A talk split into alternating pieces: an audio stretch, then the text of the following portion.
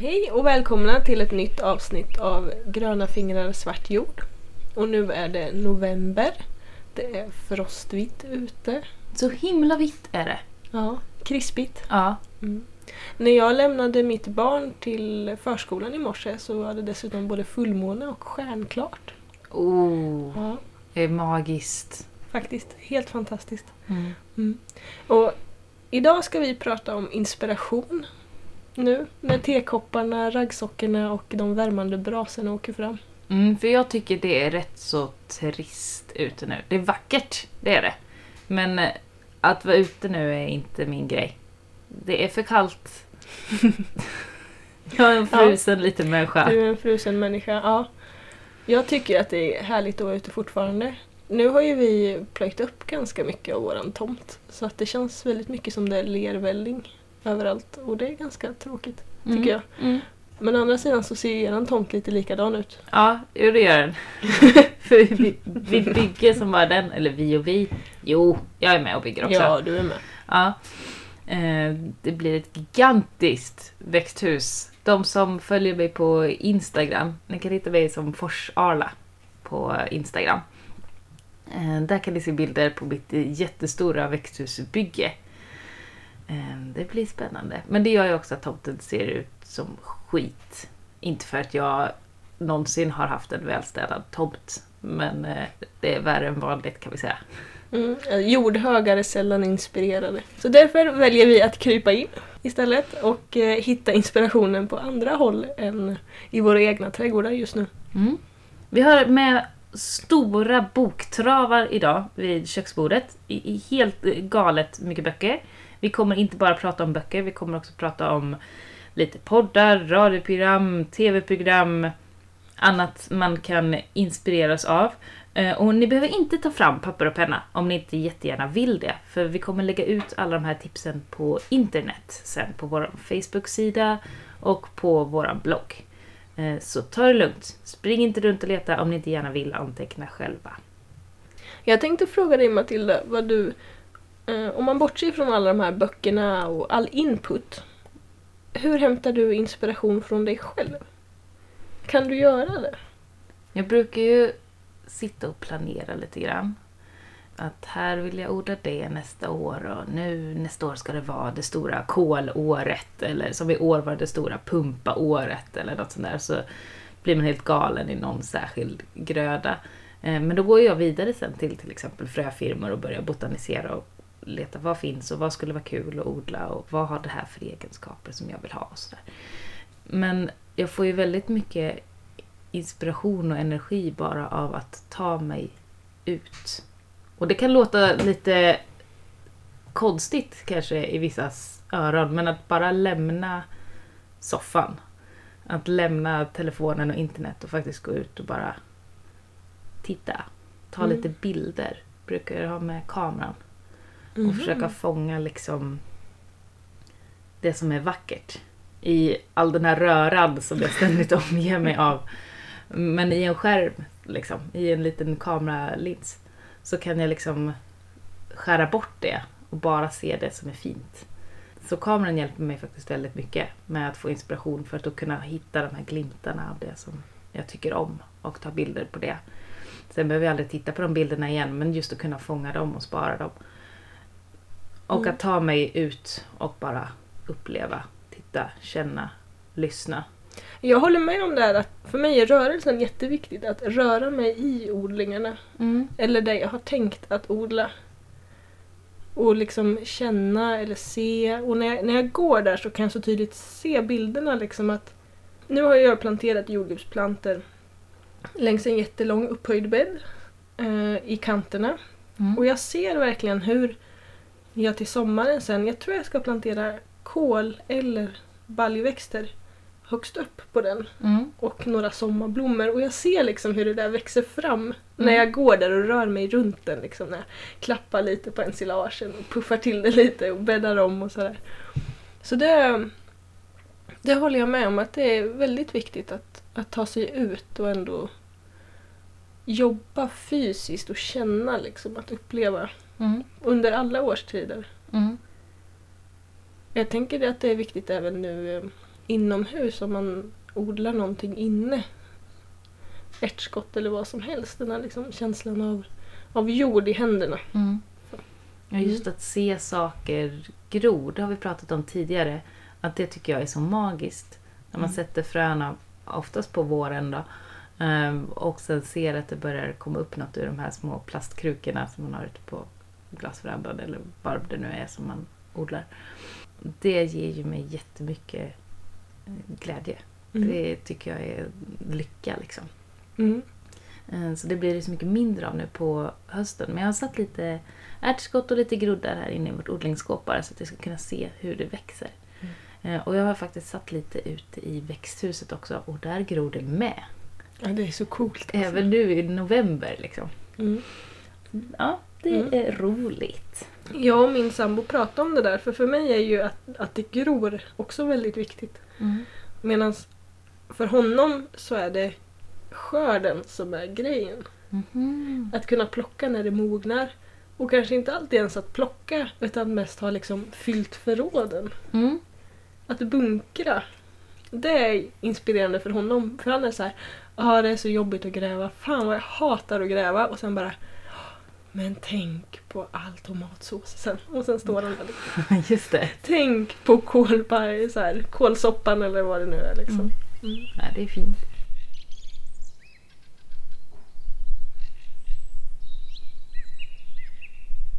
Men hur inspireras du av andra? Kanske på nätet eller genom böcker eller hur? eh, Jag har en bild av hur jag vill odla.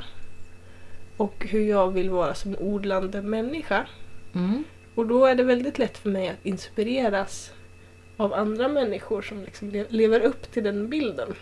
Just det, att man eh, hittar någon slags eh, idol i den livsstilen på något sätt. Ja, precis. Eller man hittar en del av en, liksom, en idol.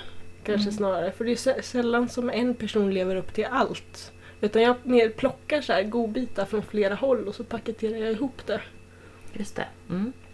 Så, eh, och jag tycker till exempel att Sara Bäckmos förhållningssätt till odling med barn Mm. och odling överhuvudtaget egentligen, men främst kanske med barnen är väldigt, väldigt inspirerande. Jag försöker ta till mig därifrån för att jag vill ju gärna väl in- involvera mitt barn i odlingarna Mm. på hennes villkor. Men jag kan också tycka att det är så fruktansvärt svårt att inte liksom att inte bara få jobba i fred. Mm. Det är jättefrustrerande. Mm. Mm. Eh, och samtidigt så är ju inte hon, hon... Ibland vill hon vara med och sätta ner fröer och såna här grejer men oftast så blir det ju inte så. Det blir ju en liten... Det gnisslar lite i vårt samarbete om hon ska vara med och så saker ibland. Ja. Så då brukar jag tänka så här: What would Sara Bäckmo do? Mm. liksom när det inte funkar här. Så det tycker jag är jätteinspirerande. Jag kan bli frustrerad på sånt. Förlåt att jag avbryter där men alltså Ibland blir jag så arg när jag eh, tittar just på hennes eh, grejer och så är det så här, "Ha, hon är fyra barns morsa och odlar massor och eh, allting går så himla bra och är så lyckligt och puttinuttigt och fint. Och här står jag med två barn och bara skriker ut min frustration över att de inte gör som jag säger. Vad gör jag för fel? Och då tänker jag, ah! Jävla perfekta människa. Så. Mm. Ehm, så jag blir frustrerad över sånt. Ja, men jag, jag håller med. Alltså, jag har, alltså, min relation till hennes blogg och Instagram och sånt har gått extremt mycket upp och ner. Liksom. Mm. Från att bara så här, ja men för i helvete, det, här, det är ju inga... Alla kan väl komma på det här, jag fattar inte grejen ibland. Liksom. Mm. Att det blir så hyllat när det egentligen är så basic saker. Det är liksom ingen så här brain science hon kommer med. Nej. Eh, och då, så det är väl så här, upp och ner, upp och ner, upp och ner. Ibland bara, ja det är så bra, nej det är så dåligt. Ja det är så bra, nej det är så dåligt. Och hur lyckas hon? Just det här med att hon har fyra barn Mm. och ändå lyckas. Medan en annan, jag har ju ett barn. Mm. Och jag tycker att jag hinner fan inte med ett skit. Nej. Eh, men då tänker jag så här. Det beror nog en hel del på personligheter och inställningar och sådana saker. Mm. Väldigt mycket där. Och sen min liksom avighet beror ju, det är ju ren och skär avundsjuka och Mm. svartsjuka. Ja. Så är det ju, rakt igenom. Mm. Så jag, jag försöker så här att ta till mig istället. Att jag, jag, jag fattar ju att det är svartsjuka liksom. Men det är ju inget att vara svartsjuk på, tänker jag. Det är bättre att försöka inspireras. Ja, och så ser vi ju inte hela bilden heller. Alltså, både Nej. du och jag är ju måttligt aktiva på sociala medier också. Mm. Och vi lägger ju inte ut allt. Vi lägger Nej. inte ut hela vår vardag. Jag lägger inte ut så jättemycket bilder på de stora grushögarna i trädgården och sånt där. Och, alltså jag tar ju alltid bilder så här och bara Nej, de där grejerna ska jag flytta på. Alltså jag städar lite i trädgården innan jag tar bilder eller Ja. vinklar liksom. För att eh, bara få med det jag vill ha med. Ja. Så, och sen har ju inte varken du eller jag ett så här superglättigt Instagram eller Facebook-konto där vi bara visar allt som är lyckat och bra. Vi tar ju med andra delar också, men det finns, det är inte censurerat. Det är inte hela verkligheten för någon av oss och det är det väl inte för någon på internet egentligen. Nej. Men det är svårt att inte jämföra sig. Ja, det är jättesvårt. Men jag Mm. tycker, jag tycker att hon, eh, hon la upp ett inlägg för inte alls så länge sedan och en livesändning med just hur hon hanterar barnen och odlingarna. Som jag tycker var för mig väldigt inspirerande och värdefullt nu när jag höll på att anlägga en, en ny trädgård. Mm. Om man säger så. Ehm, bland annat om att hon alltid har väldigt breda tydliga gångar så att barnen, det är tydligt vart man kan gå och vart man inte får gå. Just det. För att slippa springa över odlingen och sådana saker. Eller för att minimi- minimera. Så nu har vi väldigt tydliga gångar i Bra. bioodlingen till exempel. Ja. Och sen när det gäller mer lättillgänglig inspiration Mm. eh, så är till exempel Mandelmans. Så himla bra. Ja, eller 100% bonde. Också himla bra. Eller trädgårdstider. Trädgårdstider. Också Ja, jag bra. är lite delad till trädgårdstider. Jaha, varför då? Jag tycker det är på tok för mycket så här, eh, matlagning och... Eh, Men Tarek är så himla mysig. ja. Jag döpte ju min tupp efter honom. Ja, jag vet. Jo, det kan vara härligt att se råvarorna och Mm. lite sådana saker. Men ja, jag är lite delad till trädgårdstiden ändå. Ja, jag tycker om Mm. det. Eh, Och sen så gillar jag, när vi ändå är inne på TV då. Mm. Nu har vi tagit eh, tre TV-tips bara jättesnabbt. Jag gillar den här serien som gick, eh, som heter Kalles sexliv. Mm. Har du sett den? Nej. Nej. Det är han eh, Kalle Zackari Wahlström, han som eh, hade de här träningsprogrammen innan, så här, träna med Kalle och han i alla fall eh, testar på att eh, leva på sex olika sätt som inte följer normen. Det kan vara att eh, det är några som är ute och cyklar jorden runt, så är han med dem någon vecka. Eller någon som eh, bor ute i fjällen. Eller några som håller på med självhushåll eller sådär. Den serien tycker jag var väldigt eh, inspirerande att just hur de som har valt att leva på ett annat sätt från normen, hur de tänker, att man får följa dem och få en inblick i deras vardag, att den också är möjlig. Inte i någon dystopi och inte i någon alternativ verklighet utan de lever så i detta nu i Sverige idag. Det är Mm. häftigt. Jag gillar ju att titta på um, den här norska serien med. Där ingen kunde tro att någon skulle bo. Just det. Heter den va? Ja, den har jag bara Mm. sett något avsnitt av. Men Mm. ja. Jag har plöjt en hel del sånt som, eh, som avslappnings-tv. Mm. Så den tycker jag också är väldigt spännande för det är ju folk som bor väldigt långt bort Mm. Från saker och ting och ändå lever väldigt fina liv. Det blir ju ett rikare liv. Ja, precis.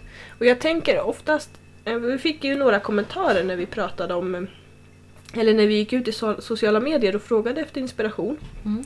Så fick vi några kommentarer och några av dem var bland annat om det här att se andra ta ut svängarna. När jag försökte hitta den röda tråden i några av dem Mm. så var det att, att se andra ta ut svängarna. Att tänka större eller mer. Mm. Eller att liksom våga förändra drastiskt eller att liksom gå lite bananas. Mm. Att det, folk tycker det är väldigt inspirerande. Det är kul när det är lite galet. Ja, precis. Mm. Ja, det är bra faktiskt.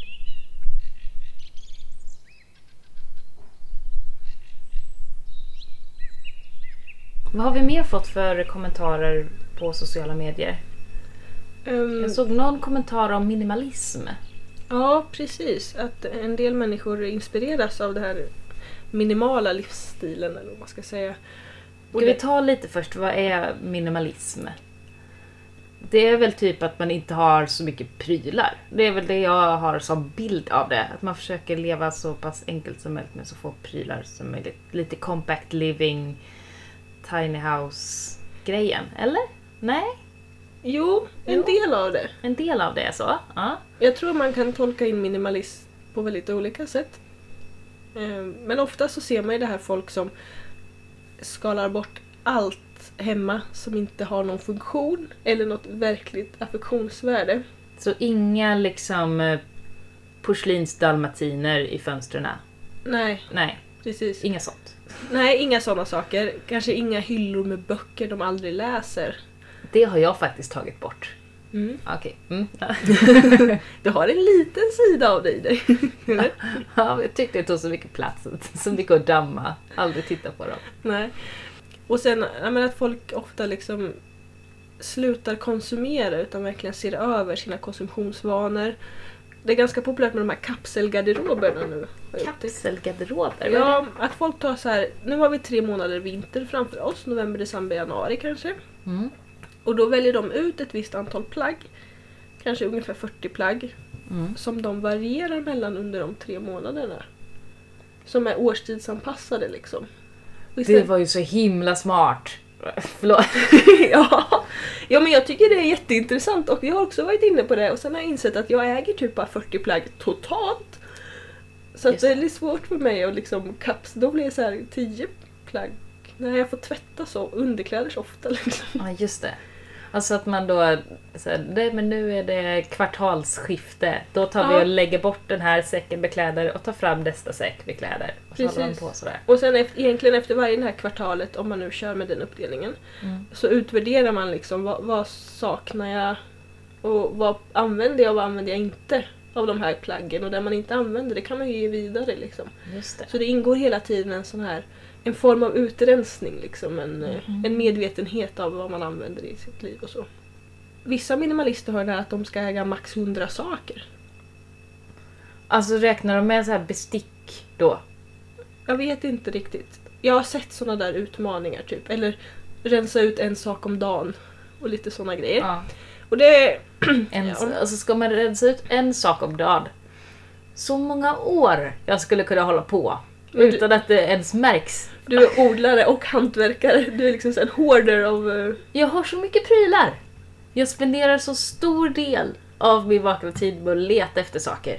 Det, jag lockas av det här minimalistiska tänkandet med att inte ha så många saker och att då antar jag att man har mer koll på sina grejer också eftersom man inte har så mycket saker som det kan gömma sig bakom. Eh, Men jag vet ju bara av att se mig omkring att skulle aldrig funka. Eh, Bara samla på mig, den här kan vara bra att ha. Mm. Och nej, inte den här, vi ska inte slänga den. och sådär. Den kanske vi behöver någon gång när barnen ska bygga koja om sju år. Ja, Ja, och, men och mina barn är på precis samma linje. Får inte slänga något för dem. Så man får slänga i smyg. ja, Ja. herregud. Nej men jag, jag börjar tänka, för jag är också inspirerad av minimalismen. Fast inte i den här äga hundra saker, liksom att, att ha ett blankt hem. Inte ljust och fräscht och carpe diem på väggen. Nej, de skulle aldrig ha carpe diem på väggen. För Nej. det skulle ju... Det Nej, är faktiskt. onödigt. Ja, Ja. precis. Om man Nej. inte målar dit det. Ja men då har du en färgburk och en pensel som du aldrig använder igen. Då blir Ja, skänka Ja. bort dem. Ja, ja men jag, jag lockas av minimalismen. Men Mm. då, jag börjar tänka lite kring det här efter vi har fått de där kommentarerna. Mm. Och då blir jag så här, kan man leva minimalistiskt och samtidigt vara odlare? Och kan man leva minimalistiskt och samtidigt vara självhushållare? För att i att vara odlare och självhushållare så behöver du en hel del saker. Mm. Varav ganska mycket egentligen bara står. Alltså pluggbrätterna eller liksom de här krukorna till förkultivering och sånt. Mm. De använder ju du liksom en månad eller två, kanske tre. Mm. De flesta av dem. Jag har säkert typ 3000 plastkrukor ute på glasverandan nu. Mm. Det är helt galet. Och Mm. jag behöver alla dem. De brukar ta Någon slut. vecka. Ja, de brukar ta slut. Jag köper nog en tusen nya varje år. Ja, Så det... Ah! precis. Och för en minimalist så är det helt tokigt att du har liksom en hel kvadratmeter golvyta som tas upp av bara plastkrukor i staplar. Kanske inte bara en kvadratmeter. ah. Ja, men jag börjar tänka kring det här. Mm. Och att man som odlare och som självhushållare behöver väldigt många saker. Man behöver väldigt mycket bra att ha-saker. Du Mm. behöver verktyg och du sparar på varenda brädstump du kan hitta och alla liksom skruv och muttrar. Och... Kan vara bra att ha. Ja men oftast så är det ju så att man har sina plastbytten med allt möjligt så går man och river i dem och så hittar man det där man behöver. Ja. Ehm, Så gjorde jag när jag tappade bort min vigselring. Det... Ja, hittar du den i en sån bra ha? Ja, efter, efter ett halvår, jag hade tappat bort min vigselring. Ehm, typ ett halvår efter att jag och Jonas hade gift oss. Och så la jag den någonstans. Du vet, man ska ta en dusch och så bara, "Ah, jag lägger ringen här. Sen eh, glömde jag bort det och sen så tog det liksom en... Nej, var är den? Nej, jag vet inte. Nej, jag kommer hitta den sen. Och så liksom skjuter jag det här problemet framför mig. Nej, men den ligger någonstans. Visst, jag har inte full koll på vad det är. Och sen har det gått ett halvår och jag typ, den är borta. Nu är det, nej, det här går ju inte. Man kan ju inte tappa bort sin vigselring. Det är ju fy på det. Fy Mm. skam på det. Och sen så satt jag typ och grät till jord och så skulle jag, nej, jag ska, på- jag ska rota i det här skåpet liksom. Så hittade jag i en sån här vanlig gammal vit plastlåda liksom som det har varit smågodis i eller något från någon affär. Där bland eh, suddgummin och gamla plåster och pennor. Och, där låg ringen! Ja, så glad jag blev. Det känns lite som en metafor för er, hela ert hem. En, så här, en stor bra harlåda med massa grejer liksom och sen guldkornen liksom som man får leta efter och så finns de där. Ja, så när Jord hade varit där och varit så här sur och rotat i den där lådan efter något helt annat. Så kom han och, och tog den där ringen och satte sig på knä och gav det till mig så och sa Matilda, vill du gifta dig med mig igen? Så, det är så himla gulligt. Upplagt för romantik. Ja. Så kan det Ja, vara när så- man har mycket grejer. Så kan det vara när man har mycket grejer och vi har också en hel del grejer hemma. Mm. Men jag tänker att en form av minimalism kan vara att inte fylla sitt liv med grejer Mm. utan att fylla grejerna med liv. Hur menar du? Ska du ha någon bakteriekultur i... Så här kombucha och så här bokashi-strö överallt. Börja odla saker i tvättsvampar? Är det så du menar nu? Nej. Nej, men att man kan ha mycket saker men allt man har använder man ändå. Du kan ju ha dina 3000 krukor, Mm. men du behöver dem ju. Ja. Så de är ju inte onödiga. Nej. Nej, det är bra. Så vi kan ha alla dessa pinnar och nät och fiberdukar och krukor och alltså jag vet inte allt vad det är, verktyg och hela Mm. kittet. Men de behövs ju. Mm. Det är väldigt få saker som bara står. Tänker jag. Att det är en form av minimalism att rensa ut det som bara står. Som inte har någon liksom mening egentligen. Mm. Sen att man kan ha en hel bod fullt med bra ha-saker. Mm. Fönsterrutor och plankor och elkopplingar. Allt sånt där som brukar finnas på sådana ställen. Mm. Det spelar liksom ingen roll för att du behöver dem. Du Mm. behöver ha den boden och gå och riva i. Mm. Och jag tänker att det blir liksom en form av en ganska lite maxad form av minimalism. Men det blir också en form av konsumtionskritik i det Mm. liksom. Att du sparar Mm. nödvändiga Precis. saker.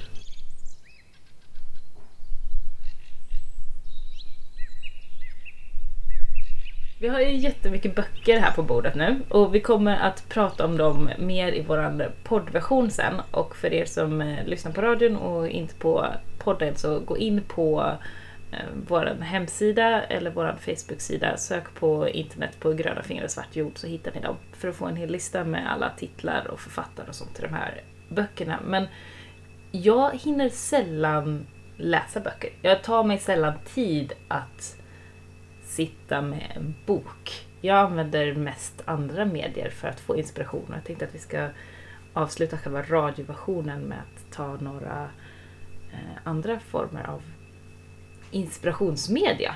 Mm. Hur inspireras du på andra sätt än av böcker?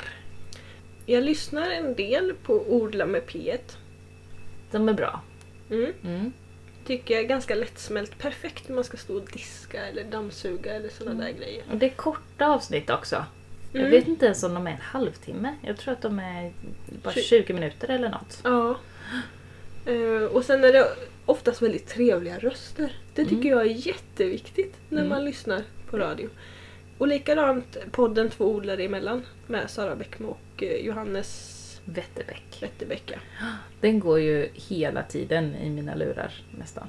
Mm. De har också väldigt trevliga röster och en, en bra dynamik och det är inte alltid man lär sig mega mycket därifrån men det är ett väldigt trevligt snack. Mm.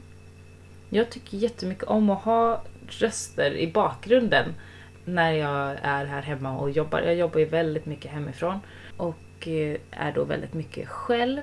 Och då är det väldigt skönt att inte ha bara musik till exempel från radion utan att faktiskt höra samtal. Jag behöver inte lyssna aktivt på det. Jag tror att det som spelas mest här hemma det är nog sportradio på P4 och jag kan ingenting om sport. Det går inte in någonting av vad de säger, men de har bäst musik. Och bäst kombination av liksom musik och snack. Det är lagom mycket snack och lagom mycket musik och det är då det som jag mm. eh, är ute efter då på kvällarna när det står på. Eh, men behöver jag liksom skärma av mig lite så är det just den podden Två odlade emellan till exempel som, som jag lyssnar mycket på. Eller lite andra radioprogram. Till exempel Klotet i P1 eller eh, eh, Kossornas planet. Det går ju i P4 på söndagar tror jag. Eh, så det kan man också lyssna på. Jag lyssnar ju aldrig egentligen direkt i radio utan jag lyssnar alltid i efterhand eh, mm. via nätet. De radioprogrammen brukar jag lyssna på och eh, nu den här årstiden då får jag alltid en sån otrolig lust att cykla. Cykla långt, cykla länge. Jag tror det är för att då har sommaren gått. Och jag har inte gjort det. Mm. Oftast inte gjort det. Och jag börjar känna mig låst, jag börjar känna mig eh, fast här inne för att det är så kallt. Eh, och då så vill jag fly ut. Vill jag cykla jättelångt. Fast du tycker om att vara ute? Ja, jag vill ju inte cykla den här årstiden. Utan då börjar jag planera. Ja, du drömmer liksom? Jag drömmer mig okay. bort. Ja. Mm. Eh, och då ska jag cykla genom hela Sverige eller någonting sådär. Eh, så börjar man göra en plan och sådär. Eh, det blir inte så än. Men den planen finns alltid och den kommer alltid nu den här årstiden. Och då brukar jag lyssna på ett radioprogram som heter Cykla i P1. Och de är jättebra. Så de kan man lyssna på om man vill, om man har ett intresse för att cykla. Så får man mm. mycket inspiration och fakta om cykling i det programmet. Eller följa en blogg eh, som heter The Bike Ramble. Mm. Det är en svensk tjej som heter eh, Fredrika Ek som cyklar jorden runt på tusen dagar. Hon är snart hemma nu. Hon eh, åkte 8 mars för, vad blir det då, två och ett halvt år sedan. Och kommer vara hemma innan jul. Hon är i Spanien nu. Hon har cyklat genom Asien ner till via Australien och Nya Zeeland, hela Sydamerika och sen så ner genom hela Afrika. Och nu är hon på väg upp i Europa igen. Så himla häftigt. Ja. Och hon är yngre än oss. Jag tycker det är så jobbigt. Ja, visst är det jobbigt. Det finns ju, nu hör ju inte det hit egentligen, men eh, det är så här sen 80-talisterna kontra tidiga 90-talister. För de tidiga 90-talisterna är så fruktansvärt mycket entreprenörer och drivkraft och de tar tag i så jäkla mycket saker och gör så mycket. Mm de som är födda verkligen i början på 90-talet. Mm. Sen de som är födda i mitten på 90-talet och något, de är ju också en sån här gråzonsgeneration. Liksom. Ja, ja, det är inget med dem. Nej. Nej. Och vi är också en gråzonsgeneration, sen 80-talisterna. ja. Det är så här fem år av liksom, det händer ingenting, vi har bara ångest och får ingenting gjort. Liksom. Ja, precis. Och lagom till att vi tog studenter var liksom största ekonomiska krisen någonsin. Så att... Ja, det finns yttre faktorer. ja. ja. Och sen kommer liksom 90-talisterna och bara gör hur mycket som helst och driver stora företag och förändrar världen och startar hjälporganisationer och sådana här saker. Vi har ju en podd! Ja. det är väl bra? Ja, absolut. Ja. Mm. Men bloggar, vad mm. läser du för bloggar? För det tänker jag, det är något som man liksom ströläser. Mm. Jag läser faktiskt bara en blogg mm. som jag läser på riktigt. Jag har inte hamnat i bloggträsket än. Jag håller mig lite borta från det eh, för att jag är en person som lätt blir beroende av saker. Och då tänker jag att eh, om jag ger mig in där kommer jag inte ha någon tid för någonting annat. Så jag läser en blogg och det är Hippiehäxan. Mm. Hon bor ju inte här så långt ifrån. Eh, hon bor ju i Lindros, eh, Emily. Och hon eh, har haft den här bloggen väldigt länge. Eh, och det är också hon som har kursen på Sommenbygdens folkhögskola. Hon är en av de som har kursen på Sommenbygdens folkhögskola i eh, grönsaksodling för självhushåll. Mm. En av fem kurser att gå för självhushållare. Eller vad var det du Såg sa? vi i tidningen Land ja. Ja, Ja, det är kul. Mm. Och den har vi gått. den har vi gått. Ja, det är bra. Vad läser du för bloggar? Eh, jag läser ju uh, Skillnadens trädgård lite då och då. Jag, Inte föl- slaviskt. jag följer den absolut inte slaviskt och jag läser absolut inte alla inlägg. Men alla inlägg som fångar mitt intresse Mm. läser jag. Jag kan vara inne där om jag letar efter något särskilt. Hur var det med bondbönor? När skulle man skörda dem? Så kan jag gå in och liksom söka på det. Mm. Så jag använder det mer som en sökmotor än en, eh, ja, något som jag följer. Mm. Jag surfar nog in där kanske varannan dag eller något sånt där och kollar läget liksom och läser om jag hittar någonting. Jag följer mest på Instagram egentligen där hon heter Boang. Mm. Henne Eh, följer jag med. Mm. Eh, men bloggen heter dailypotager.blogspot.com. Oj, vilken titel. Den lägger vi ut på nätet. Den lägger vi ut, ja. Eh, men hon odlar ju i en trädgård på ungefär 6000 kvadratmeter. Och hon odlar ju så förbannat jävla snyggt. Mhm. Det är ju det. Mm. Alltså de här... Jag vet inte hur det uttalas. Potager, potager, vet inte, jag tyckte den andra versionen du sa var... potager. Det, Det, låter är lite, franskt. Det låter lite snyggt så. Lite, ja. Men det handlar ju om att du liksom... Tänk dig så här maffiga slottsträdgårdar. Mm. Där det liksom är... Den rödkålen är satt i snygga mönster och samodlad med någon blomma som kon, liksom kontrastfärger till och sådana här saker. Alltså det är så jävla snyggt och frodigt så det finns inte. Och det tycker jag är jättekul att titta på drömma Mm. sig bort lite. Och se hur man kan kombinera olika växter och, och hur man liksom verkligen... Det behöver inte vara liksom raka rader med morötter på en platt Mm. jordbit utan det kan vara så mycket mer. Mm. Så det är också ett tips.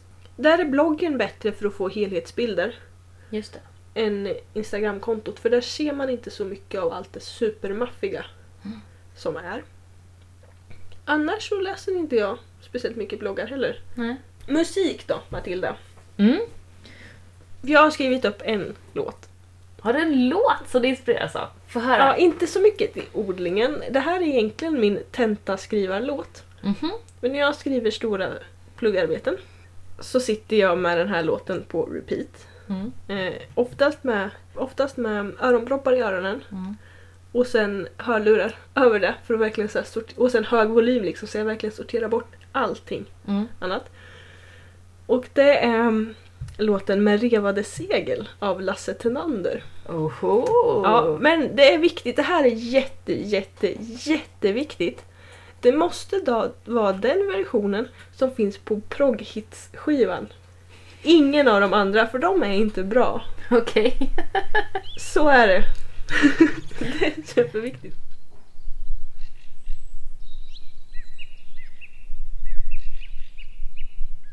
Nu kommer vi till de riktiga eh, godbitarna här. Det tunga kapitlet. Nu ska vi börja nysta i våra böcker. Mimi, Mm. hit me. Yes. För mig har det varit jätteviktigt att läsa om miljöhistoria för att komma dit jag är idag. Mhm. Och miljöhistorien har jag läst om genom kurserna jag har gått på universitetet. Till största del. Jag hade nog inte plockat upp de böckerna frivilligt alla gånger. Nu gör jag gärna det. Men Mm. jag skulle aldrig börjat läsa dem frivilligt. Du behövde få dem slängda på dig först. Ja, för det är ganska tunga böcker. Ehm, och där, till att börja med vill jag bara tipsa om två stycken av dem som jag har läst som kurslitteratur. Mhm. Och eh, den ena heter Någonting är nytt under solen, 1900-talets miljöhistoria Mhm. av McNeil. Och den kan vara lite knepig att få tag på. Den brukar finnas på bibliotek. I alla fall på de större biblioteken. Och oftast så kan ju bibliotek skicka eller skicka efter och sådär mellan sig. Mm. Och den kan också finnas på nätet begagnat. Den finns inte i nytryck. Mm. Och den är slut överallt. Eh, den andra heter Plan B av Lester Brown. Mhm. Och det finns Plan B 3.0, 3 4.0 och sådana här saker. Och, men det är Plan B 3.0 heter den. Som jag har läst. Borde inte det vara plan C då? Eller? Ja, det finns också en Plan 4. Det finns jättemycket. Men det jag, låter som ett våningshus! Ja, lite så. Eh, det är ganska feta böcker. Eh, Man kan bygga hus av ja, lite. Det är tegelstenar i pocketform. Mm. Eh, men överhuvud- gör så här, googla på Lester Brown. Mm. Alla hans böcker finns att ladda ner på engelska gratis via hemsida. Och de, liksom, de tar ju hela miljöhistorien, liksom, hela mänsklighetens miljöhistoria. Mm. Och vad som är fel och hur vi skulle kunna göra. Schysst med lite lösningar också. Ja. Mm. Eh, nu, han gick ju bort för ett par år sedan och böckerna är ett par år. De är inte dagsaktuella. De rör sig kanske senaste decenniet någonstans. Mm. Så. Mm. så det är tips. Alltså för att se sig själv i ett stort sammanhang Mm. så är det jätteviktigt. Och väldigt ångestladdat kan jag säga. Ha mycket choklad hemma, typ. Bra. Det ska man alltid ha. Ja, men det, det blir lite som en käftsmäll att läsa dem och liksom se hur, hur mycket skit som vi har gjort Mm. som vit människa från västvärlden dessutom. Alltså vi har så mycket skuld så det är, oh, det är äckligt åt det. Mm. Nog om dem. Mm. Tips bara. Mm. Ehm, Jag vill ha lite lättare tips nu. Du vill ha något lättare tips? Ja. Jag, sit, jag, har, ehm, jag sitter och fingrar på den här. Ehm, Ja, jag hör det. ja. Eh, Jordad av David Jonstad. Det var den vi pratade om i förra, förrförra poddavsnittet. Ehm. Förrförra. Cykla med inte bara morötter Ja. heter det Precis. avsnittet. Mm. Mm. Eh, hela titeln är ju Jordad, enklare liv i kollapsens skugga. Och, Oh, det låter bra. Ja, visst gör det. Jag lever gärna i kollapsens skugga. Mm. Och jag kan läsa från baksidan tänkte jag. Den här boken är ju smockad med post-it-lappar med Jag små... ser det. Det ser ut som att den fjällar liksom. Ja, lite så. Och jag har gjort så anteckningar på dem. Det står till exempel tecken på att kollapsen pågår, hela kapitlet på någon. När ojämlikheten började, allt är kapitalets fel. Jag har alltid anat det. Ja, det Ja. har nog alla. att säga, Men, Alla som har tänkt ja, skyller på mamman. Ja, men typ, hur man störtar marknadsekonomin. Oh, Ja, nödvändigt kapitel. Ja exempel på alternativ. Och, ja, men jag har jättemycket. Och den är, alltså, det sitter ju säkert 100 post-it-lappar i den här lilla boken på, kan det vara, 250 sidor eller något kanske? Ja, för den är inte tegelstenstjock. Verkligen inte. Den kan ju kanske till och med jag svälja den där boken. Ja, den är på ungefär 250 sidor. Det är bra. och eh, ganska lättläst. Det låter som att jag är någon form av så här, nej, jag hatar böcker och dyslektiker nu när jag pratar om. Så är det inte. Det, det är bara att jag inte tar mig för det. Har Nej. annat att göra. Ja, ja, Mm. men det är så. Jag har inte suttit och verkligen läst, läst annat än i studiesyfte på flera år. Mm. Eh, så här står det på baksidan i alla fall. Hela världen stormar. Global uppvärmning och väpnade konflikter, flyktingströmmar och ekonomisk oro. Allt eskalerar när den industriella civilisationen gasar hela vägen in i kaklet. Eldad av olja och dogmen om evig tillväxt. I Jordad ställs frågan hur vi ska försörja oss när kriserna fördjupas och det globala maskineriet börjar falla isär. David Jonstad söker sig bakåt i historien och finner svaret under våra fötter. Han ser en framtid där marken, snarare än marknaden, är vad som tryggar vår försörjning. Där tillgången till ett stycke jord och förmågan att bruka den blir mer värdefullt än tillgången på pengar. Och så himla fint. Ja. Den vill jag ha julklapp. Alla som känner mig, som vill ge mig en julklapp som lyssnar på den här podden, skriv upp det på er lista. Jag vill ha den. Ja, alltså, tvekar man någon gång om man går rätt väg som självhushållare eller odlare Mm. så är ju det här en bibel. Mm. För den suddar ut alla tveksamheter. Perfekt ju. Mm. Okej, då har vi en bibel. Mm. Ska vi ta någon mer bibel? Jag vill ta en till bibel. Då kör jag ett säkert kort här nu då, i att ge tips. Och då, då kör vi eh, en annan bibel. Och det är ju Lena Israelssons handbok för trädgården. Den Mm. tror jag att eh, alla känner till kanske, men lika bra att ta med den för de som inte vet. I den så finns allting man behöver veta av odling, nästan. Mm. Ja. Det står om olika typer av växter, det står om olika sätt att odla, det står om jordar, det står om sjukdomar och skadedjur och... Ja men, det är verkligen en handbok för, för odling. Ett uppslagsverk. Ja, Mm. precis. Så den är, den är en bibel om något. Mm. Jag skjuter in då odla året runt. Eller odla året om av Lena Israelsson också.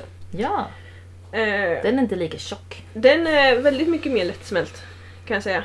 Den har Eh, inte jag sett, berätta om den. Den heter ju Skörda grönsaker och örter hela året utomhus eller inomhus. Oj! Som undertitel. Ah. Och det här är den första odlingsboken jag köpte. Mhm. Så den håller, jag håller den lite extra kär delvis på det. Mm. Men det är som en, en väldigt nerbantad variant av Handbok för köksträdgården. Mm. Eh, utan de här liksom specifika, så här odlar du lök, så här odlar du kålrot, så här odlar du. Mm. Eh, utan lite mer allmänna råd. Och dessutom ett helt kapitel om hur du odlar inomhus under vinterhalvåret. Ja! Med groddar och skott och mikrogrönt och baby leaves och allt vad den heter. Mm. Som Men också det låter är, bra. Ja, den är jättebra och väldigt mycket fina bilder. Mycket tabeller och lister. Jag inspireras ju av tabeller och lister. Jag kollar på dem ibland och så tänker jag det här ska jag efterapa. Gör aldrig det, men jag tittar på dem. Jag, jag skummar gärna sådana och bara oh, nyttoväxt, den ska jag kunna odla. Oh, nyttoväxt, den ska jag kunna odla. Och det där verkar intressant. Och vilket fint namn den där hade. Den kan jag... Så. Ja, ja, så kan det vara. Yes. Mm.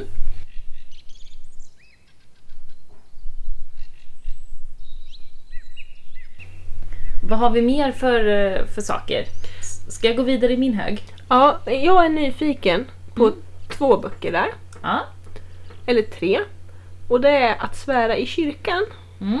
av Stellan Tengroth som redaktör. Mm. Det minsta vi kan göra är så mycket som möjligt. Mm. Och After Work, Farväl till arbetslinjen. Jag tar fram dem. Där vi ändå varit inne på... Lite, lite olika. Det här är eh, tre stycken. Jag har inte läst hela av dem. Inte någon av dem, Nej. får vi säga. Eh, redan nu. Tar dem i ordning här. Vi tar den här. Eh, att Sverige i kyrkan. Stellan Tengroth är redaktör för den. Det är en eh, antologi, heter det? Där det är många olika författare och de har skrivit liksom ett kapitel var. Fast det är ju liksom en del var. Eh, det handlar om, det är 24 röster om evig tillväxt på en ändlig planet. Den står i min, min bokhylla också. Men jag har inte heller läst hela. Nej, och den har ju några år på nacken också. Men jag tycker det är skönt med såna här eh, böcker där man kan läsa liksom en liten del, några sidor, 10-20 sidor och sen så är det bra. Mm. det hinner jag med. och lite på samma tema eh, så kommer ju den här After Work Farväl till arbetslinjen med eh, Christian Borg som redaktör. Och den handlar ju väldigt mycket om eh, just arbetet, lönearbetet. Rätten till den. heltid. Rätten till heltid är ju något av det äckligaste som finns. ja, eh, jag vill, rätten till att bestämma över min egen tid har jag istället. Eh, kan läsa vad några av kapitlen heter i den boken. Mm. Jag lite här. Då har vi då Folkhavet brusar av verk. Arbeta mindre, älska mer. Den har jag läst några gånger av Birger Schlaug. Den tycker jag är fint. Eh, skända arbetslinjen, var oförmögen. Friår, frihet, fritid. Ja, ja men det, är- det är många fina saker i den här. Roligt, också en antologi. Eh, Mm. Så det kan man läsa lite av och sen eh, lägga ner och läs, fortsätta läsa någon annan gång. Sen har vi Per Holmgren. Det minsta vi kan göra är så mycket som möjligt. Eh, Per Holmgren, det är ju han som var... Meteorologen på Sveriges Television va? Ja, precis. Han som hade långt hår. Eller som fortfarande har långt hår. Ja. Eh, som, eh, som, jag tror han jobbade på 90-talet. Det var rätt länge sedan han jobbade där nu. ja jag min, men jag minns honom som meteorolog. Ja. Ska jag läsa lite på baksidan av den också? Mm. Mm. Det kommer aldrig vara för sent för att göra så mycket som möjligt för att undvika framtida klimatförändringar och andra miljöhot hot mot vårt samhälle. Det finns dessutom så mycket vi kan göra redan nu, inte minst här i Sverige. Finns det något annat land i världen som har bättre förutsättningar? Per Holmgren beskriver de utmaningar vi står inför och vad vi behöver göra för att ställa om samhället i en hållbar in- riktning. Han ställer även de viktiga följdfrågorna. Varför gör vi inte det som vi egentligen vet att vi borde göra? Varför stannar vi kvar i ett system som sakta men säkert försämrar förutsättningarna för framtida generationer? Det är frågor vi alla måste ställa oss. Det är dessutom frågor vi kommer att få från våra barn och barnbarn. Vi har fortfarande möjlighet att i framtiden kunna svara att vi verkligen gjorde så mycket som möjligt. Men då måste vi göra det. Nu. Han är bra. Han är väldigt bra. Han gör ju barnböcker också. Ja, jag har tre böcker eh, som han har gjort. En har min lilla son ryckt med sig till dagmamman idag. Mm. Men han eh, skriver böcker om Torsten. Som han eh, gör tillsammans med en tjej som heter Moa Lundholm som eh, illustrerar böckerna. Eh, så Torsten, Torstens resa in i vattnets värld har vi här och Torstens resa ut i vida världen. Och sen så har vi Torstens resa ner i underjorden också, det är min sons favorit.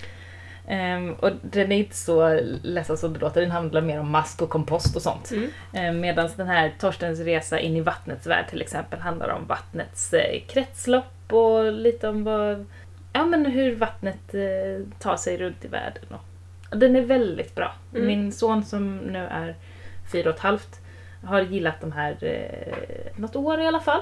Så att det funkar ju från, i alla fall från tre år. Eh, Mm, jag tänkte precis säga att min, mitt barn som är lika gammalt som ditt barn Mm. har eh, jättesvårt för de där böckerna för det är för mycket text tror jag. Ja, men det kommer några. Ja, så det, ja, det är väldigt individuellt mellan barn men absolut från fem. Mm. Ja, Det är jätte, och de är spännande bilder. det är ju det. Det är mycket detaljer. Det är lite Sven Nordqvist-feeling på ett sätt Mm. över böckerna. Att det mycket små detaljer att spana på med barnen. Mm. Mm. Jag stör mig dock på att i ett av uppslagen i böckerna så pratar de om att eh, den här farmor som Torsten är med har tio hönor. Elva hönor på bilden. Varje gång alltså. Det är inte en tupp. ja, det är ju elva plus en tupp. Jaha. Ah, ah störigt. Mm. Mm. Okej, det är bara... Parentes. Ja, mm.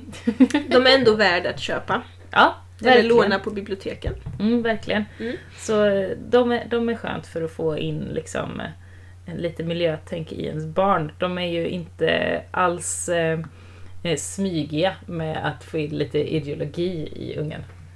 Det är inte jag eh, tveksam till. Nej. Bra böcker. Man måste ju uppfostra barnen och jag tänker det går inte att göra det opolitiskt. Nej, nej.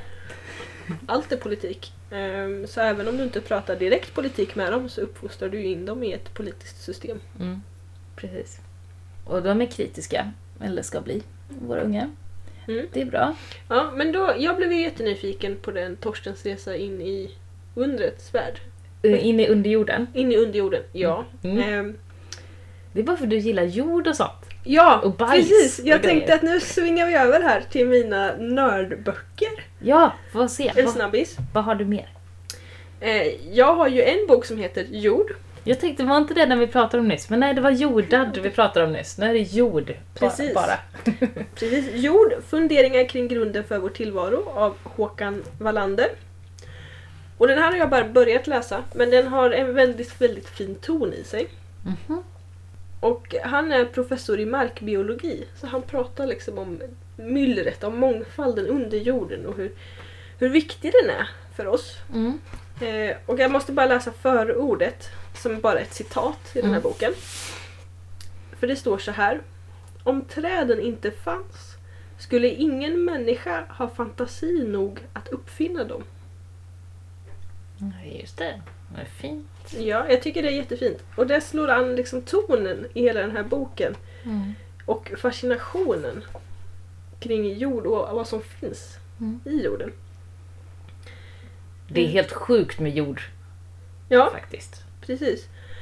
Ja, Att alltså, det, det, bara går kommer inte... mat därifrån. Ja, det, går, det är jättesvårt att greppa liksom. Och den är ju den viktigaste förutsättningen för liv på vår planet överhuvudtaget. Mm. Så att... eh, Och Det är en kärleksförklaring till jord. det är en kärleksförklaring till jord och den Mm. är jättefin att läsa.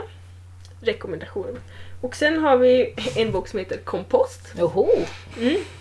Det här är ingen stor bok, det är en ganska liten bok. Eh, Mm. kompost från hushåll, trädgård och latrin.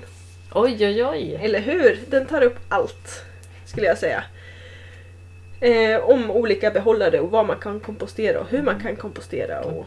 Bilder i också på Ja. olika komposter ser jag. Och det är Ja. bra. Jag gillar ju bilder. Jag har svårt för böcker med bara text. Mm.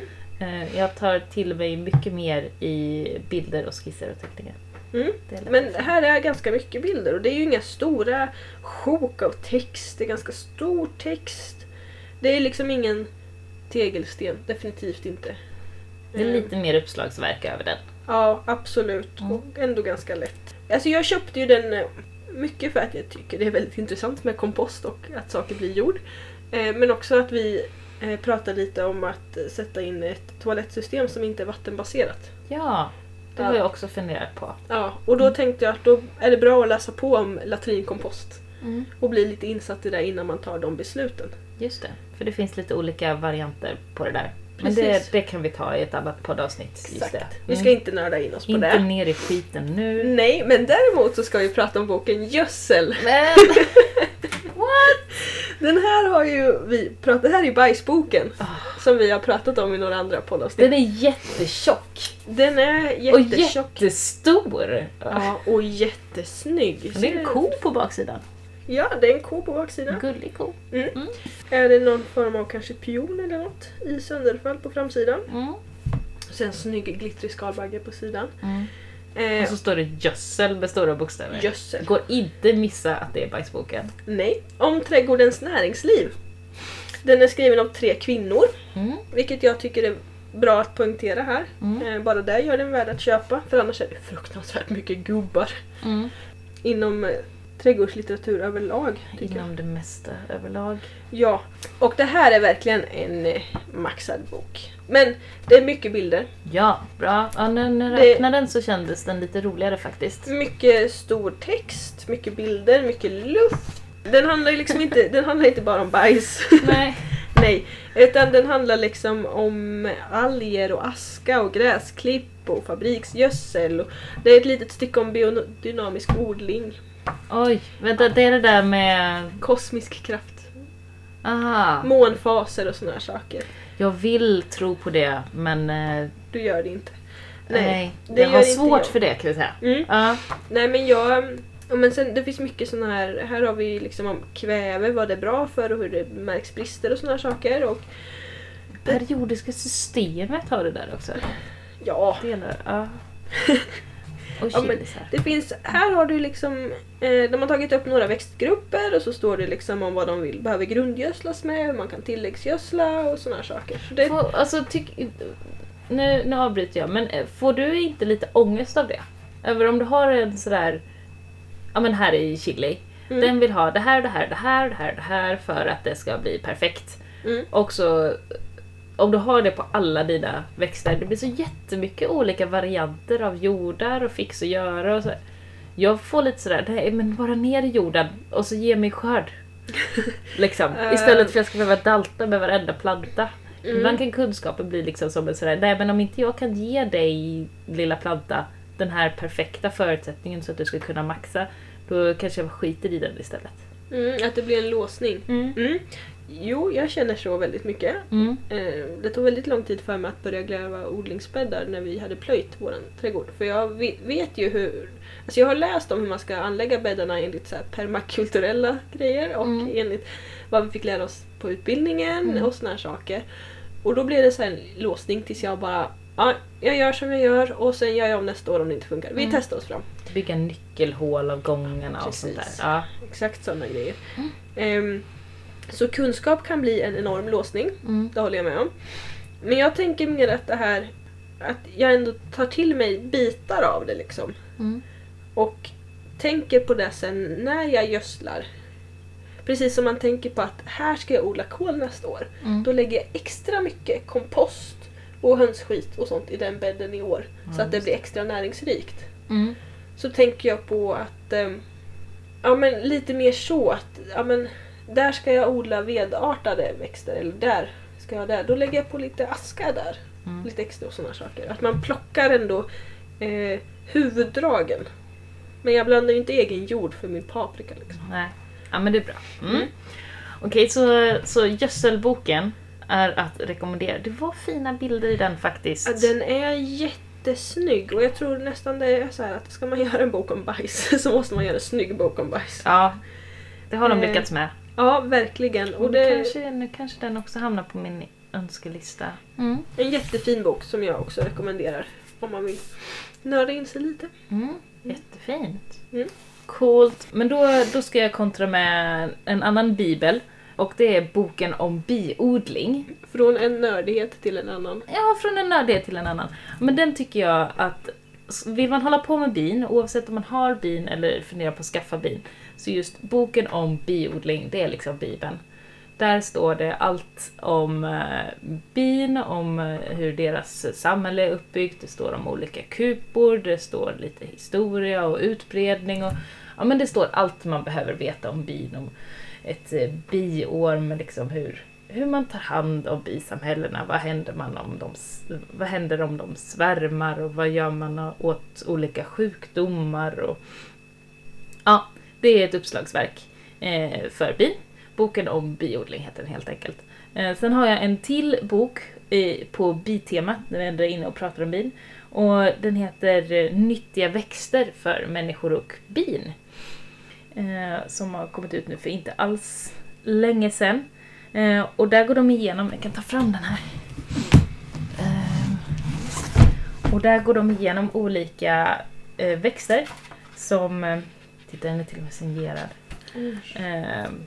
olika växter som bin gillar.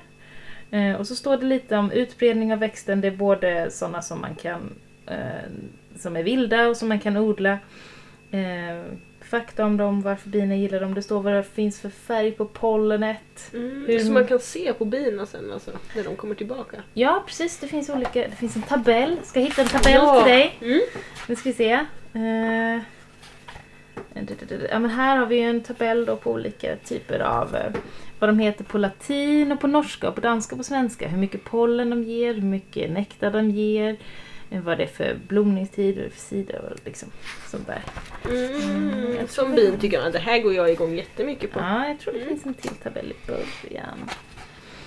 Ja, men um, så, så den är bra, för då kan man ju, om man har bin eller vill ha mycket insekter till sin trädgård, det handlar om det också. Kolla den här och se liksom vad är det som bina dras till. Mm. Eh, och också få ett hum om när de olika sakerna blommar, Eh, för att kunna få en längre säsong för våra pollinerare. Att de behöver ju extra mycket fokus precis i början av våren, eh, för då finns det inte så mycket som har blommat än. Då, vill de, då får man se till att inte ta ner sin sälj till exempel, mm. för att säljen älskar ju bina. Och sen så måste man ha eh, rätt mycket i sensommaren, början av hösten. För då finns det heller inte så mycket för bina att käka. Så det kan man titta på i den här boken. Mm. Så den är bra. Den här vill jag nog låna. Ja, den får du gärna låna. Eh, och eh, där står det bland annat om då hur viktig maskrosen är. Så den är bra, både för om man har bin, om man funderar på att ha bin eller bara vill ha mer eh, insekter i sin trädgård. För det som är bra för bina är bra för andra insekter också.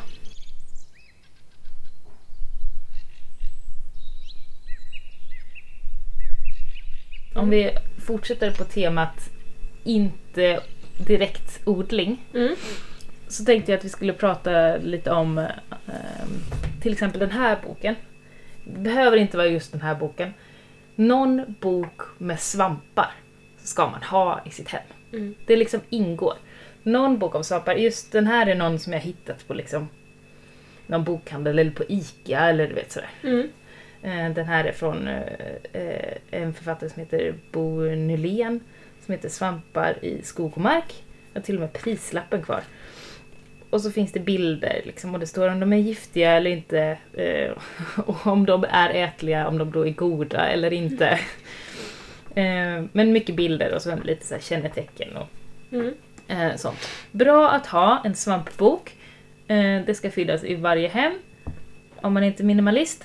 Uh, och sen så ska man också ha någon form av fågelbok. Tycker jag. Oj.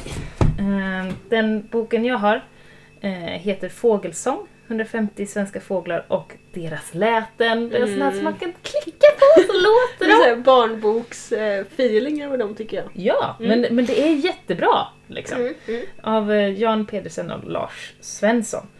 Just nu är batteriet slut, jag måste byta batteri.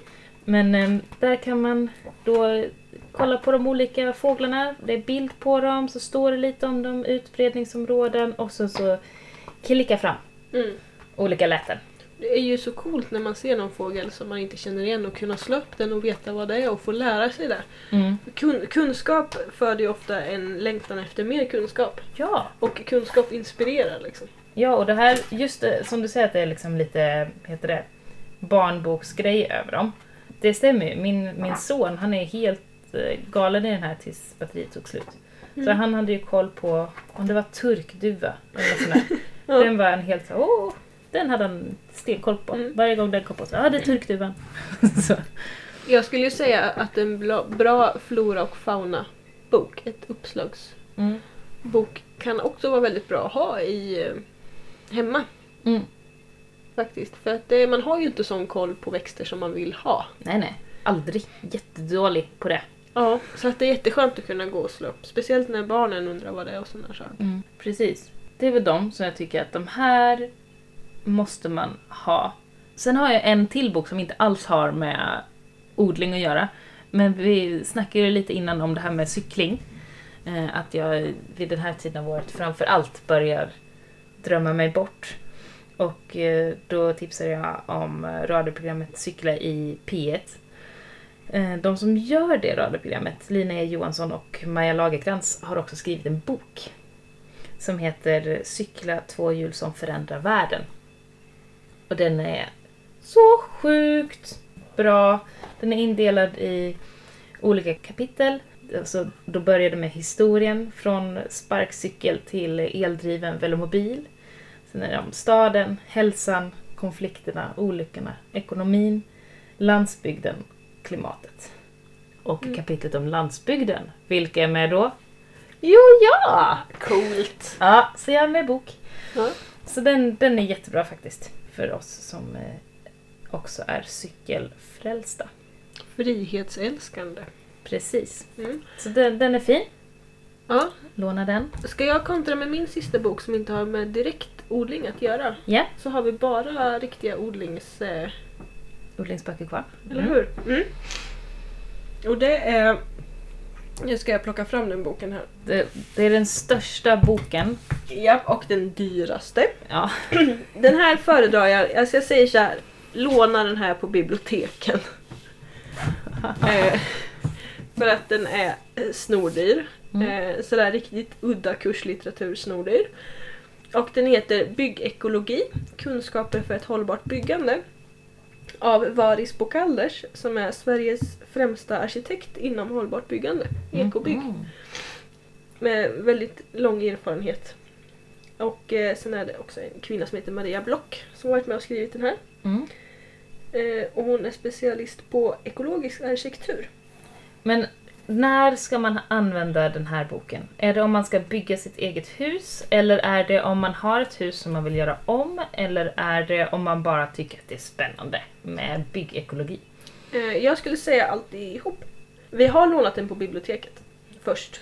Um, Sen blev det så hooked så du kände att du måste ha den. Yes.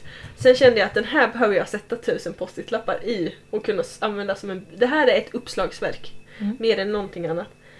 Eh, och vi köpte den ju för att kunna läsa på och slå upp och, och, gå tillbaka till när vi renoverar och gör i ordning vårt hus. Ja, just eh, Och det står, när man slår upp den här så har du en mega uppslag där det är ett träd där byggekologi är stammen och sen har du liksom sunda hus, hushållning, kretslopp, platsen liksom som grenar. Och utifrån dem så har du liksom förgrenades ännu mer till liksom grönsaker, odling och avlopp och byggmaterial och installationer och vatten och samhällsstruktur och människan och det är liksom så. som en eh, mindmap fast den är utformad som ett träd. Precis, som grundar sig i planeten och hållbar utveckling och sådär.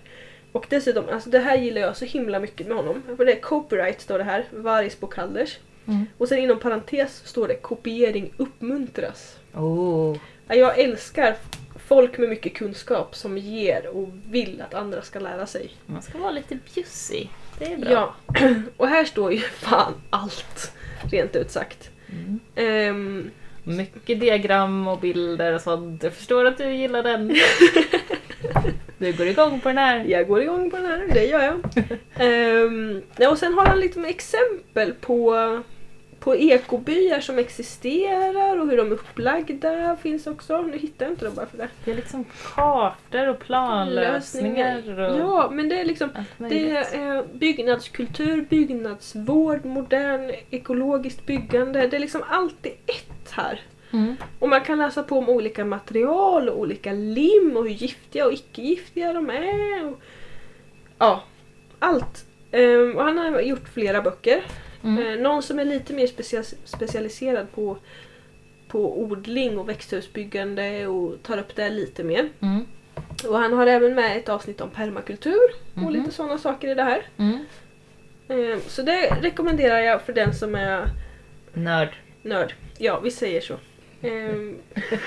Ja men det är ju så, jag ser ju det på den. Det, är, det där är inget som att ta så här, "Ah, jag är lite sugen på att läsa något nu ikväll, något lättsamt. Nej, det här är verkligen så här: shit nu ska vi bygga det här. Mm. Nu ska vi isolera om vårt hus. Mm. Vilket material ska vi använda? Just det. Börja i den här boken typ. Mm. Istället för att ägna 3000 timmar åt att surfa runt på olika återförsäljares och tillverkares hemsidor. För de är partiska. Mm. Den rekommenderar jag. Mm. Låna på bibblan. Så himla bra. Ja, och jag måste få rekommendera en till bok då. Ja, ta en till. Den här tycker jag är superviktig. Mm. Eh, permakulturboken. Heter den så? Permakulturboken? Nej, Nej. Eh, den heter Permakultur, framtiden i din trädgård. Mhm. Av Ylva, Johan och Siri Arvidsson. Mhm. Eh, och den här är ny. Den är utgiven i år av dem.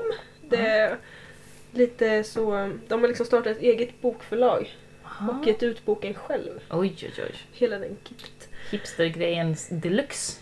Eh, ja, fast ändå inte. Grejen är så att det finns ju inga bra böcker om permakultur på svenska.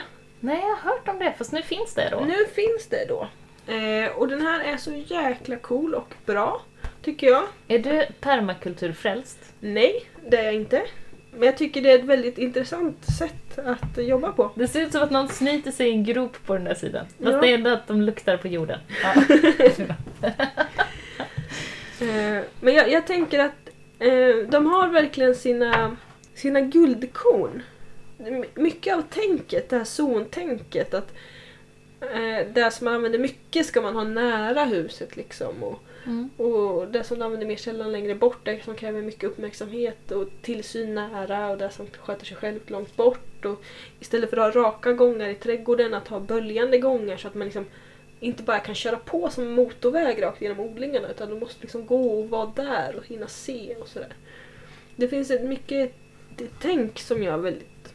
Jag dras till det liksom. Ja, jag tycker det är eh, fina teorier och har svårt att få in det i praktiken. Men eh, jag lockas väldigt mycket av det. Ja, Mm. ja men precis. Mm.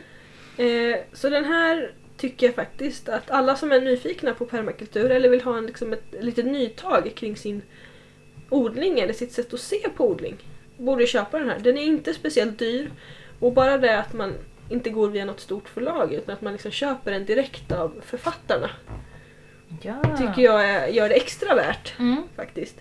Vad handlar den om? Ehm, Eller är det just praktiskt? Så här kan man tänka. Nej, både och. Eh, första handlar lite om grunden till permakultur, grundarna och lite om hur illa ställt det är i samhället. Man Så. kommer alltid tillbaks till det. Ja, det gör man. Eh, och sen är det lite... Alltså de, här har jag slagit upp eh, Permakultur i din trädgård heter det här kapitlet. Mm. Och där har man en vanlig villaträdgård med ett växthus i ena hörnet, ett litet trädgårdsland och Mm. mycket raka kanter och lite så här golfbanefeeling som Mm. jag säger. Kontra en eh, permakulturell. Det Trädgård. händer så mycket mer i den trädgården. Det händer jättemycket mer, det är ett helt annat sätt att tänka Mm. och det är så här. Vilket, Vilket annat liv liksom. vart är du lycklig liksom? Ja, jag vill hellre bo i permakulturträdgården. Ja. ehm, den är jättefin. Den har hängmatta. Den har hängmatta, den har damm, den har svindlande gångar, nyckelhålsgångar. Ja, just det. Och Mm. den, Såklart. Mm. Alltså den tar verkligen upp allt från hur så här sektorsanalyser av trädgården. Lite sånt som till och med jag tycker är lite segt och tungt och hur solen går och strålar in och så. Jag tycker jättemycket om permakultur men jag tror att anledningen till varför jag kan bli frustrerad på permakultur är nog att det känns, alltså nu har jag kanske inte studerat det så jättenoga, men att det är väldigt mycket teori och göra det så ultimat och perfekt som möjligt. Förberedelser, tankar. Jag vill ut och göra. Precis. Mycket teori, mycket... Ja. Det är det jag tycker är det viktiga. Mm. Liksom. Ut och faktiskt gör något. Ja, Inte sitta hemma och enig. tänka och skissa och fundera och planera. Och da, da, da. Nej, alltså vem har lust att planera i två år innan man börjar? Nej, precis. Nej. Ja. Eh, men det st- står en del om det och så står det lite om hur man kan sila vinden och hur man kan bygga bra mikroklimat och hur man kan bygga växthus och man kan tänka med vatten och bla bla bla bla. bla. Är allt. Den verkar bra. Jag tycker den är jättebra. Vi rekommenderar den också. Ja. Mm. Perfekt.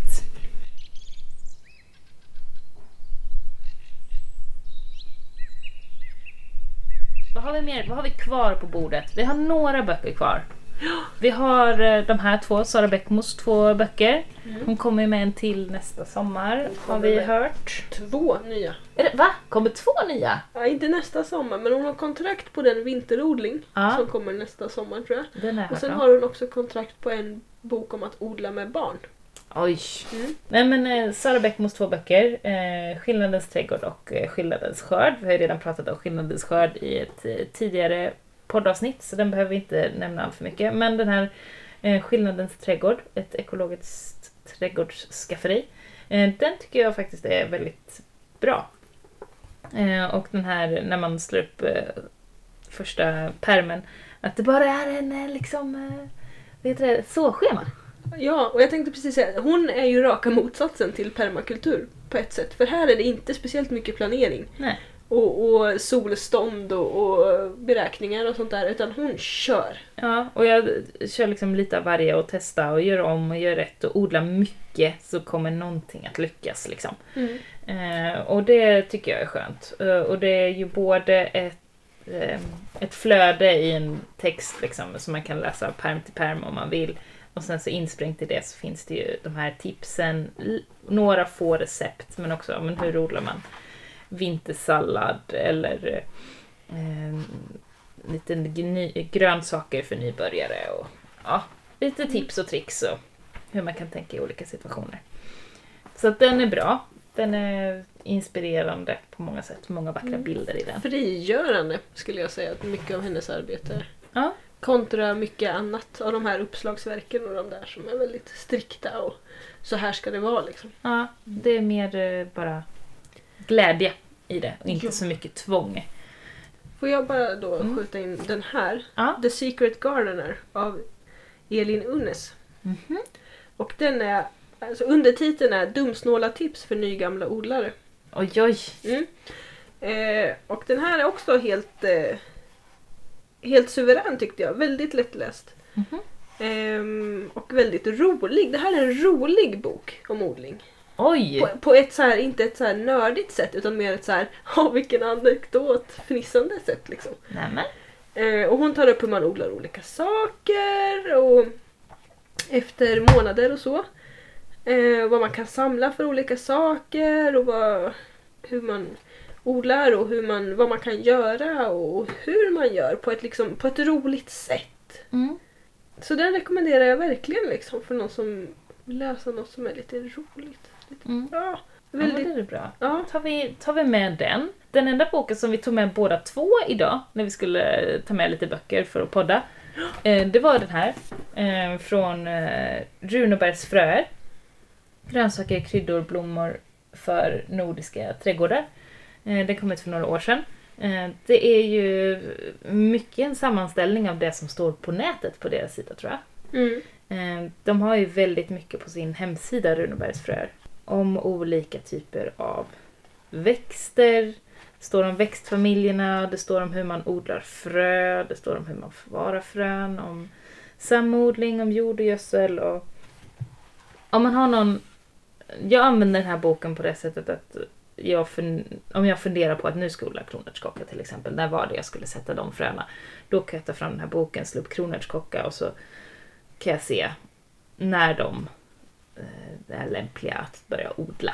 Mm. Ja. Ja. Och läsa lite med avstånd och vilka sorter som verkar bra och sånt Mm. där. Jag använder, den delen, deras favoriter, deras, de sorttipsen Mm. de har, har jag använt väldigt mycket när jag har planerat odlingar och vad jag ska köpa och testa.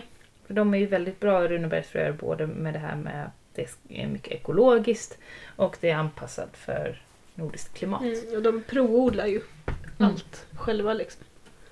Så att den är bra. Också en bibel. Sen har vi med lite häften från FOBO. Mm.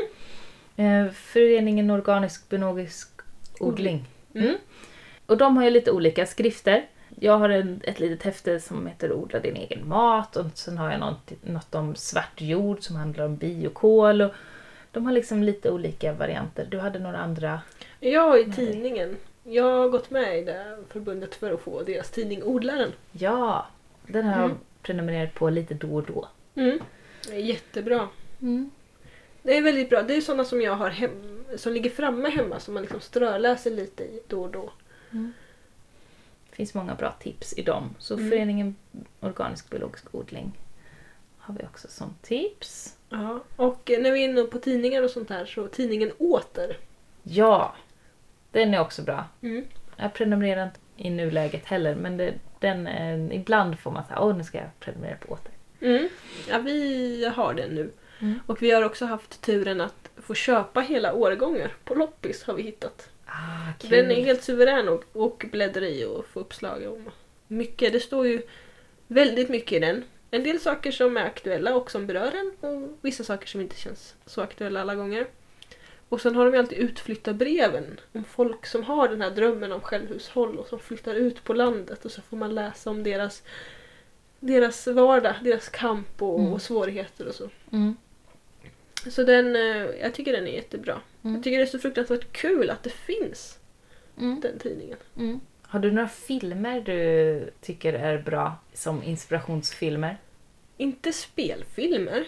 Nej. Däremot så finns det ju några dokumentärer som ger lagom mycket ångestpåslag Mm. eh, så man börjar agera. Mm. Bieffekten är en sån. Precis, den är helt suverän. Ja, så himla snyggt filmad också. Ja, eh, och likadant Den sista skörden Ja. är också jättebra. Mm. Eh, Dead Monkeys Fear No Hyenas, om det uttalas så. ja, den har inte jag hört om. Mm. Nej, den har funnits på SVT i alla fall. Mm. Eh, och den är ju mer om kolonialismen och hur landgrabbing Mm. Och så. Och då får man ännu mer kär att nej, jag ska odla min egen mat och bara äta sånt. Jag kan ha marken här. Mm. För att jag kan inte stå för det som sker i andra delar av världen. Mm. Bikes vs Cars måste vi ha också. Oh, Ja. den har inte jag hört om. Nej, den är så himla bra. Det är Mm. en dokumentär som kom ut för några år sedan som handlar just om konflikten mellan cyklister och bilister. Mm.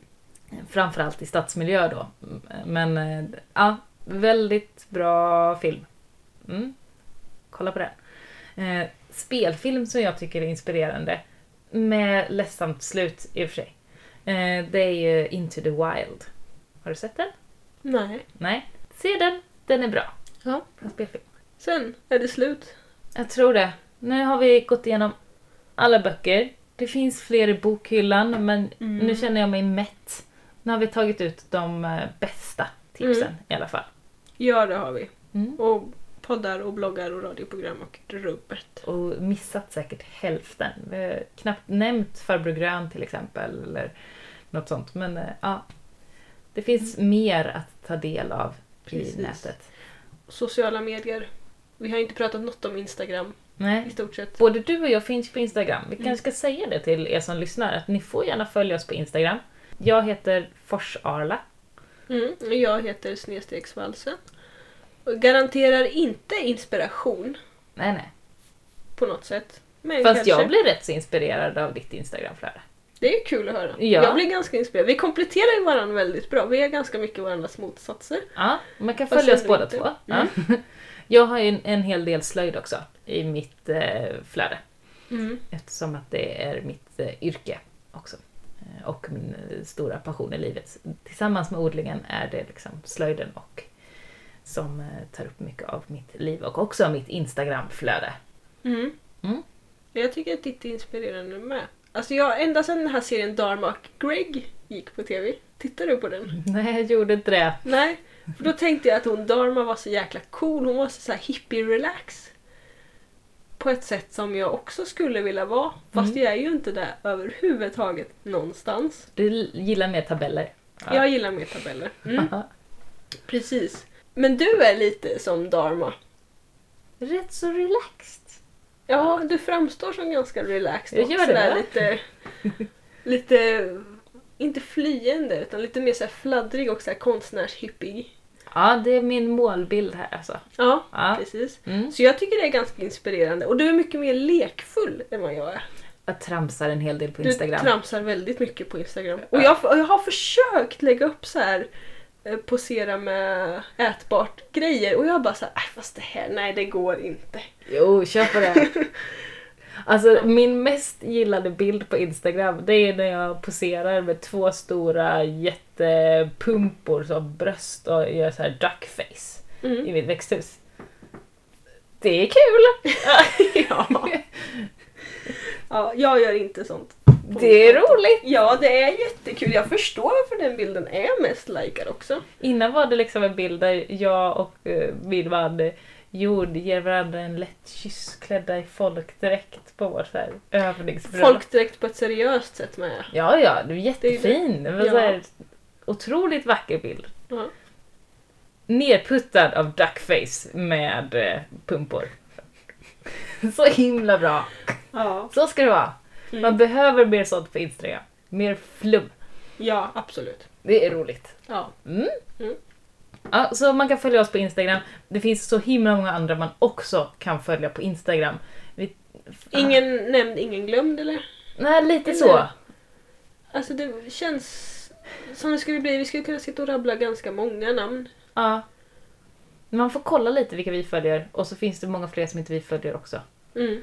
Eh, så. Som är så himla bra. Mm. Mm. Det är kul. Mm. Nu slutar vi va? Ja, nu är jag mätt på, på inspiration. Nu vill jag ut och göra någonting på Mm. riktigt.